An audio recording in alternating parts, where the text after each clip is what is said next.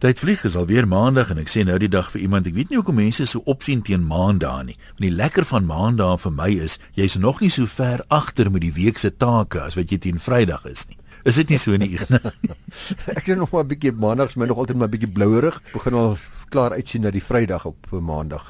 Nou baie uh, welkom by regsaake saam met my een wessels en Ignas Kleinsmid van van Velden Duffy Prokureurs op Rustenburg. Die eerste vraagie wat ek gekry het En hierdie vraag het ek ook weer iets uit geleer was iemand wat uh, vir my 'n e-pos gestuur het om te vra om te sê hy het verstaan dat 'n huweliksvoorwaarde kontrak nie nodig is om geregistreer te word nie. Nou my eerste reaksie was om net dit kortliks af te maak en te sê nee jammer dit moet geregistreer wees. Dit anders te beteken hy niks nie. Nou huweliksgoedere bedeling van gades word bepaal deur die wet uh, op huweliksgoedere van 1984 en in terme daarvan sal gades binne gemeenskap goed getroud wees. Dis nou 'n uh, uh, outomatiese klassifisering indien daar nie 'n uh, HVK geregistreer word wat dit sal uitsluit nie. Nou in Suid-Afrika is daar aanname ook selfs by baie kollegas dat 'n huweliksvoorwaarde kontrak geregistreer moet word om geldig te wees die wet bepaal spesifiek dit moet voor die huwelik gebeur en dan jy het jy tyd om dit na die huwelik nog dink ek 30 dae of 6 weke wat jy nog na die huwelik nog tyd het om te registreer. Nou hierdie aanname is foutief. Daar kan 'n ongeregistreerde huweliksvoorwaarde kontrak wees, selfs 'n verbale mondelinge kontrak tussen gades uh, in die saak van Hanni uh, versus Hanni, so ou saak al in uh, 1992.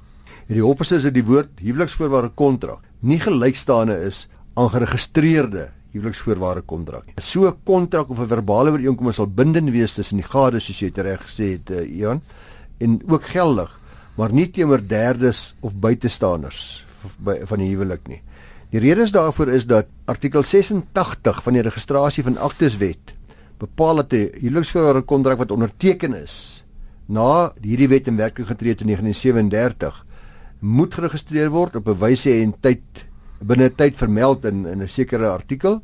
Tensy hulle aldus geregistreer is het hulle geen regsgeldigheid teenoor iemand dan is die volgende woorde belangrik wat nie as party daarbey betrokke is nie teenoor derdes nie. Artikel 87 bepaal verder dat die tyd waarbinne so kontrak geregistreer moet word om geldig te wees binne 3 maande van 'n verleiding by 'n akteskantoor geregistreer moet word.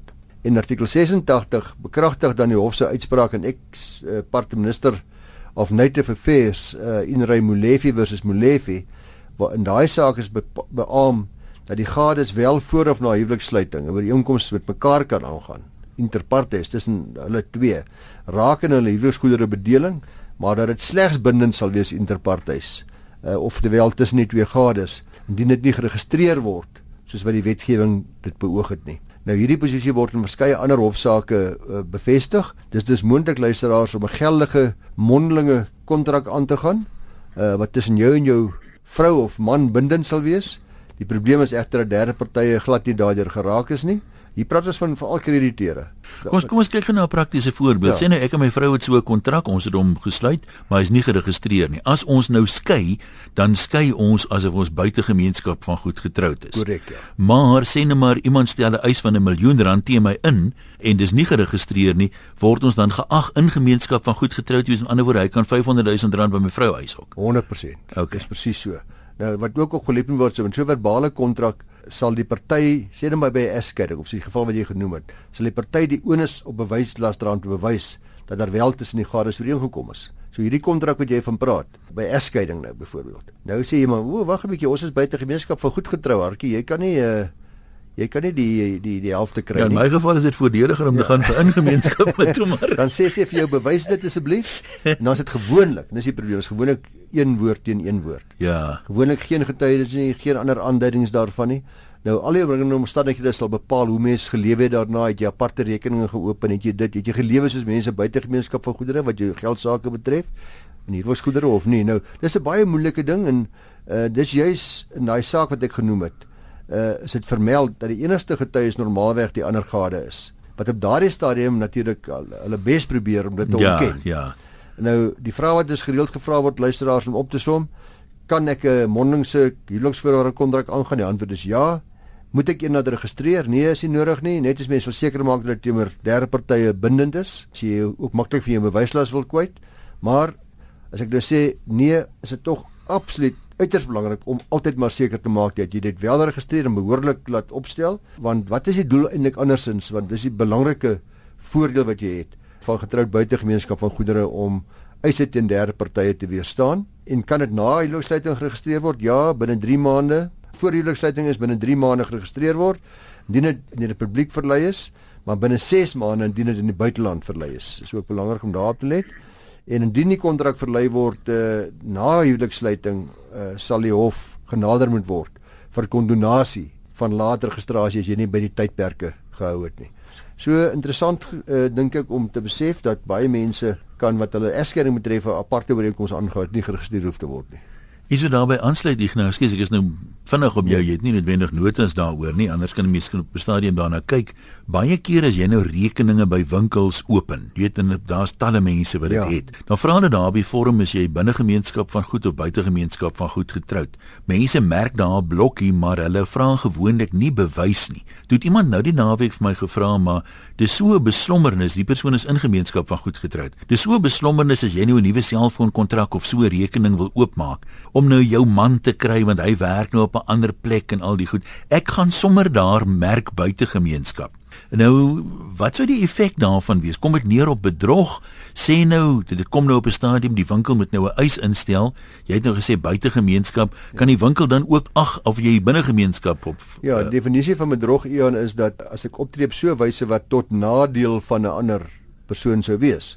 So kom ons sê byvoorbeeld ek ek het nou 'n verkeerde blokkie ingevul maar nog nog steeds my rekening betaal. Natuurlik geen probleem nie. Bedrog kan nooit bewys word omdat ek dit nie gedoen om ander spesifiek te benadeel nie, maar ook potensiële nadeel. As ek dit nou gedoen het met die oog daarop dat ek weet ek het niks nie. Hulle kan my maar dagvaar na hartlus want al die goed is in my vrou se naam. En nou gaan ek en my vrou lieg daaroor, want sy sal moet saam lieg daaroor mm. natuurlik wat sy gaan gedagvaar word. Uh dan is dit uit en uit bedrog. Geen twyfel daaroor nie. Bedrog nie net van my kant af nie, maar ook met my gade wat dan nou gaan saam moet speel. As die gade aan die ander kant nou gaan sê maar dit is totale twak hierdie ons is getroud binne gemeenskap van goedere en die rekening word betaal onmiddellik sal daar dan natuurlik geen verdere uh, reperkusies wees nie. Maar elke stap wat 'n mens neem om iemand anders te benadeel of luister wel potensiële nadeel. Want dis die potensiële nadeel wat hierso ook die bedrog gaan wees.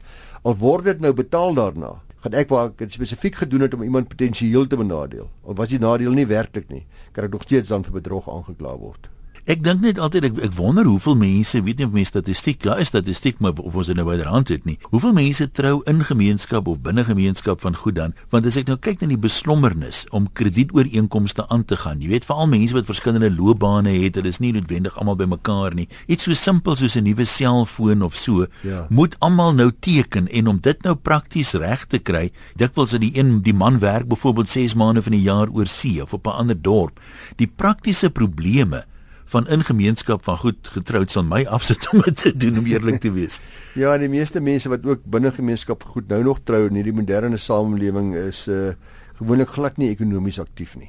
Dis mense wat net gewone salarisstrekkers is en hulle gewone rekeningkies elke maand het en skuld aangaan en betaal. Maar jy's reg as jy sê dat alhoewel dit nie altyd statutêre vereistes is nie, veral vir sekere roerende goedere nie, uh, sal die meeste besighede aandring op albei se handtekeninge waar daar waar jy getroud is binne gemeenskap. En dit is 'n geweldige beslobbernis, geen twyfel daaroor nie. Nou ja, dis 'n kortetjie daar of anders kan ons nou Nee, dit kan redelik kort wees. Die vraag is is dit nodig vir veiligheidsmaatreëls by my swembad? Ons het nou weer deur 'n seisoen gegaan met ek een of twee berigte gesien het van klein goed wat in die swembad beland het. Hierdie was uh, ook 'n baie goeie artikel deur Potsuane Henny is 'n groep prokureurs uh, en die presie van die Wesduisen daar in Rustenburg is uh, hulle nuusbrief het hulle dit vir my aangestuur. En dit is dat uh, ons weet ons het baie van ons het swembaddens maar hoeveel mense is regtig bewus van watter veiligheidsmaatreëls wetgewing en regulasies vereis vir 'n swembad? Die nasionale bouregulasies uh, sit onder andere maatreëls wat iemand nagekom moet word indien daar 'n swembad op 'n erf is. Dit word uiteengesit as volg indien daar 'n swembad op 'n erf is moet die erf omheind wees sodat daar geen onbeheerde toegang tot die swembad vanaf die straat of aangrensende eiendom is nie. Baie belangrik. Dit het hoeveel jare my eiendom nie ontuin was nie. Uh jy weet toe ons nog nie al die sekuriteitsprobleme gehad het nie. Boogenoemde reël geld ook vir komplekse. As daar 'n kompleks uh, is met 'n swembad, dan moet daai kompleks omheind word aan straatkante en aan weerskante. Die muur of heining mag nie laer as 1,2 meter wees nie. Jy mag ook nie enige opening hê wat groot genoeg is vir 'n 100 mm deursnee bal nie aan die weerskante 100 mm nie.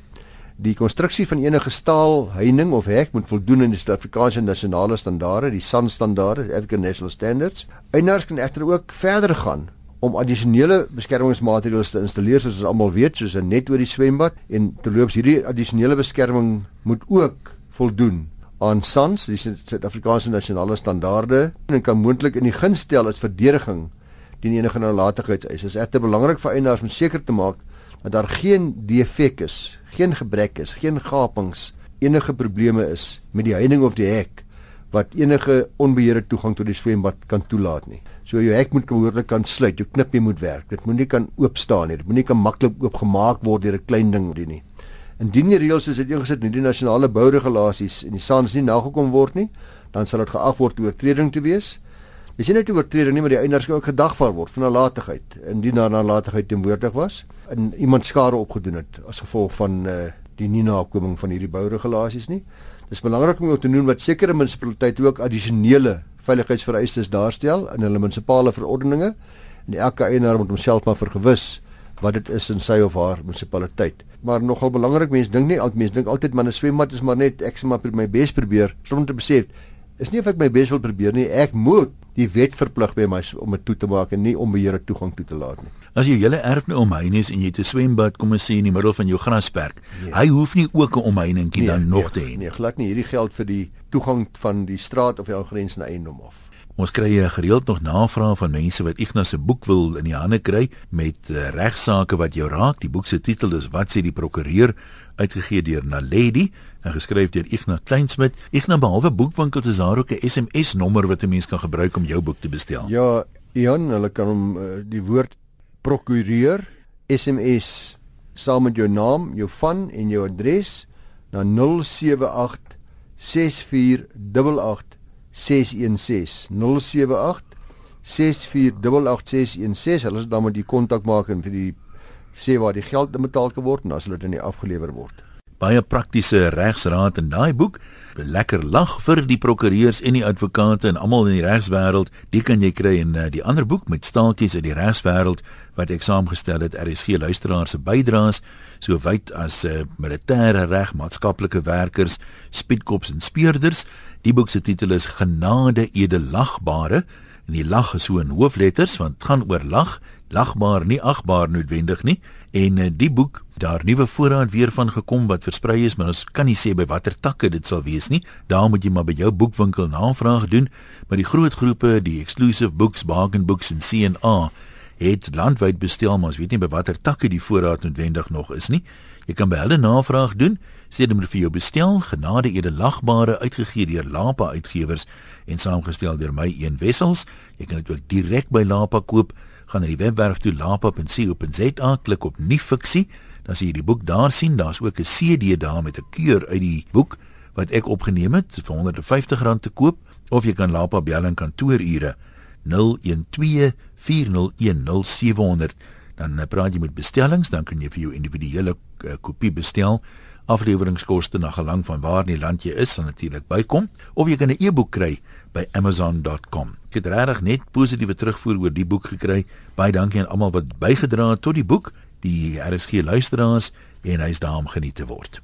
Ja, Ian, uh, die saak wat ek gemeld het vroeër wat oor seksuele aanranding of seksuele teistering geld, is verlede jaar gerapporteer in die saak uh, van PE versus Equasi munisipaliteit en 'n ander Die eerste verweder in die saak is 'n munisipaliteit en die tweede verweder is 'n werknemer van die munisipaliteit wat ook 'n toesighouer was. En die eiser het ook daar gewerk en uh, was 'n werknemer van die munisipaliteit.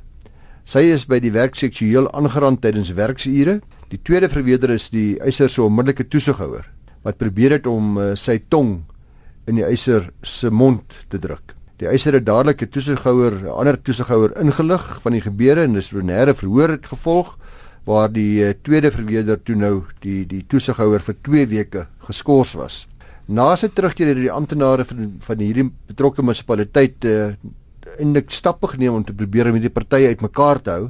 Hulle nie naby mekaar werk nie, maar dit was nie uh, suksesvol nie. Hulle het mekaar steeds gereeld raakgeloop uh, wat vir die eiser redelike addisionele angs en ongemak uh, veroorsaak het volgens die getuienis. Die voorval het uh, ook gelei tot posttraumatiese stres en na jaar daarvan wat sy nog weer saam met hom gewerk het, het sy bedank. Sy het uh, eis toe ingestel teen die verweerders gesamentlik en afsonderlik, dis die munisipaliteit en hierdie toesighouer vir 'n bedrag van 4 miljoen rand grond van die middelike aanspreeklikheid. Dis nou die middelike aanspreeklikheid soos julle onthou luisteraars is wanneer 'n werknemer optree binne die loop van sy diensbestek by die werkgewer, dan is die werkgewer ook gesamentlik en afsonderlik aanspreeklik vir daai handelinge. Tydens die verhoor is die aanspreeklikheid en die en die kwantum die bedrag van die eis van mekaar geskei en die saak het dan net voortgegaan met numeriete daarvan.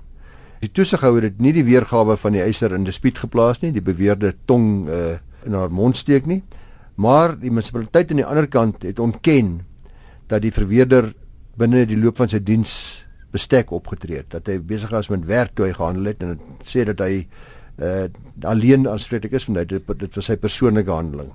Die regter Pickering in hierdie geval bevind egter dat die tweede verweerder se gedrag teenoor die eiser dis nou die toesighouer onaanvaarbaar was en 'n misbruik was van sy gesagsposisie. Die munisipaliteit sê die regter het wel toegegee dat hulle daarin kon slaag om die partye van mekaar te isoleer na die insident nie en die munisipaliteitsaanspreeklikheid het daarvan afhang of die gemeenereg ontwikkel kan word om voorsiening te maak dat die werkgewer aanspreeklik gehou kan word ook in gevalle waar 'n werknemer bloot in 'n toesighoudende posisie verantwoordelik is vir seksuele aanranding. Dit doen nie in die loop van sy diens nie, maar hy is 'n toesighouer. Die tweede verweerder is eh, sê die hof in 'n gesagsposisie geplaas. Hy is met daai gesag vertrou deur die munisipaliteit. Hy het die eiser se fundamentele regte tot waardigheid en privaatheid en integriteit geskend en die fundamentele regte verwag nou dat die gemeenereg wel ontwikkel moet word om die munisipaliteit aanspreeklik te hou, sal dit billik en redelik wees. Daar's verder aangevoer dat in die geval waar die werkgewers nie aanspreeklik gehou gaan word vir die optrede van hulle werknemers nie, dan sal dit eh uh, werkgewers net bloot eenvoudig makliker van die hoek afhaal en werkgewers moet liewers aangemoedig word om voorkomende stappe te neem as daar moontlikhede is dat hulle eh uh, toesighouers of hulle werknemers dalk seksuele teistering kan pleeg. So die gemeenereg word hier deur die regter uitgebrei voorsiening te maak dat 'n toesighouer ook sekere pligte het en verantwoordelikhede het wanneer hy uh, handel met sy ondergeskiktes. So die eise dan teen die munisipaliteit geslag. Jy weet nie met watter bedrag nie. Ongelukkig nie. So ek sê die kwantum is 'n bedrag is waarvoor geëis is. Ja, dit sal heelwat minder wees. Die kwantum is geskei. Daai saak het sal seker nog voorkom as hy nie reeds uh, afgehandel is nie. Dan uh, luisteraars, 'n ding wat oor die vakansietyd weer baie kop uitgesteek het, dis klagtes van mense wat sê hulle kom by die vakansie is aan en skielik skielik is daar 'n nuwe huis gebou. Uh, wat bietjie by uitsig beperk. In Gurstel en ander versus die City of Cape Town en others is 'n saak wat onlangs in 2015 gerapporteer is. Moes die uh, Hof in Kaapstad beslis aangaande eiendomme met 'n uitsig en die verlies van 'n baie gesogte eisig van een van die eienaars. Die Millrow Housing Development is 'n groep huisingsontwikkelingsskema wat bestaan uit twee rye huise. Die voorste ry huise is enkele verdiepings en die agterste ry huise is dubbele verdiepings. Die argitek het die huise spesifiek so ontwerp sodat elke huis aan die een kant 'n baie mooi uitsig het oor die strand en aan die ander kant 'n mooi uitsig het oor Tafelberg. So 'n baie gesogte area. Die dispuut het ontstaan toe twee huiseienaars van die voorste ry huise Dis nou die enkele verdiepings. Besluit het dat hulle huise moet bietjie groter word en hulle toe omskep in dubbele verdiepings. Nou die bouplanne was ook so deur die stad goedgekeur, deur die Ka stad Kaapstad. En hierdie medie wat die applikante in hierdie saak gevra het, was vir die hof om die stad se goedkeuring van hierdie planne tersyde te stel. Uh hulle argument was dat indien die voorste huise omskep sou word in dubbele verdieping huise, al nie net hulle gesogte uitsig sou verloor nie, maar dat hulle huise markwaarde aansienlik sou afneem. Die applikant het verder geargumenteer dat die aansoek vir goedkeuring van die bouplanne nie voldoen het aan die relevante wetgewing nie, dat hulle 'n werklike verwagting gehad het, 'n billike verwagting sê hulle, dat die eienaars van die voorste ry huise nie toegelaat sou word deur die stadsraad om 'n tweede verdieping te bou nie. Aanvanklik het die hof net bloot hulle aansoek van die hand gewys en hulle het geappeleer na 'n volbank toe. Dit was 'n enkele regter, dis nou 3 regters. Die volbank het bevind dat die stadbouplanne wel noukeurig nagegaan het, dat hulle wel hulle werk behoorlik gedoen het met 'n agneming van die argitektuur van Milrow, asook die sonering van die skema in die hele gebied daar. Die hof het opgemerk dat daar geen beperkende voorwaardes op enige van die titelaktes was of geen servitute in die titelaktes of dat daar nie eers huisverenigings, huiseienaarsverenigings konstitusie was wat die voorste huise beperk het tot een verdieping nie. So daar's niks hieroor gesê nie. Die voorneme van die argitek wat nou ook belangrik was vir die applikante om elke huis 'n uitsig te gee oor die strand en oor Tafelberg, sê die hof was nooit omskep en reg nie. Dit was net sy dit argitek se voorneme. Hy het dit so probeer doen, maar dit wat dit het geen regte gegee aan enige van die eienaars nie, ook beslis nie aan die agterste eienaars nie. En dit is maar net weer so die aansoek slaag nie luisteraars en uh die kopers moet maar wanneer hulle mense 'n vakansiehuis koop en 'n uitsig oplet na die bestaan van 'n dwingbare reg eerder as net wat hulle dink dalk voornemens was en hulle kyk die, hoe die eiendomme gesoneer is en hoe die beurt gesoneer is en indien jy werklik verwagting het dat daar geen ontwikkeling gaan wees wat jou uitsig sal hinder nie is dit maar net wys en reg om bewyse te hou van jou navorsing rakende enige verdere ontwikkeling en jou bewyse daarvan Die slotsom is is nie huis wil koop waar 'n uitsig baie groot invloed hê op jou genot of die waarde van 'n eiendom, die huiswerk baie deeglik gaan doen. En daar is ongelukkig baie min gevalle waar jy gevind dat jy 'n reg het om van die ander eienaars te verwag om nie hoër te bou as wat die normale verordeninge van die stadstaat en daardie omstandighede is nie, wat gewoonlik dieselfde vir almal is nie. So ek dink gee my opdrag ook aan jou prokureur as jy in daardie situasie is om al hierdie huiswerk te gaan doen seker te maak dat daar geen beperkende voorwaardes op die titelaktes van omringende eiendomme geregistreer is nie. Hoe maklik is dit om dit vas te stel? Ek meen jy wat wat sou jy sien jy wil dit self doen nader jy die munisipaliteit Ja, daar's twee dinge wat jy gaan doen. Jy gaan na die titelakte self kyk wat baie maklik is. Die meeste prokureurs is direk by die akte kantoor gekoppel met die druk van 'n knoppie kan ek daai akte uitdruk en dan kan ek sien presies wat die servitute is en al die ander uh, voorwaardes en en en uh, beperkings wat daar moontlik mag wees.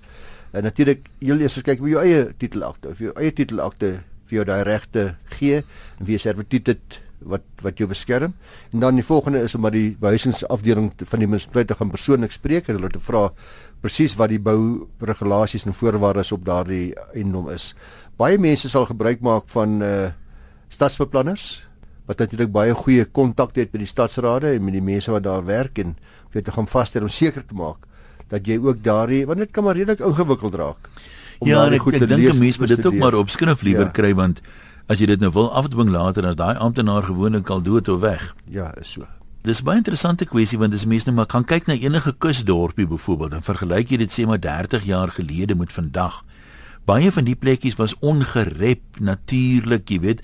Dis dig bebou vandag. Uh, Daar's partymal woonstelblokke. Kyk net maar ek het nou die vakansie weer by Hartenbos verbygery Mosselbaai toe. As ek dit nou moet vergelyk, met die plek waar ek vakansie gehou het 30 ja. jaar terug is onherkenbaar. Ja, is so. Hotelle en goed wat ander ouens se uitsig nou weggedaag. Ja, dis al vir vandag se regsaake. Ons gesels volgende week weer.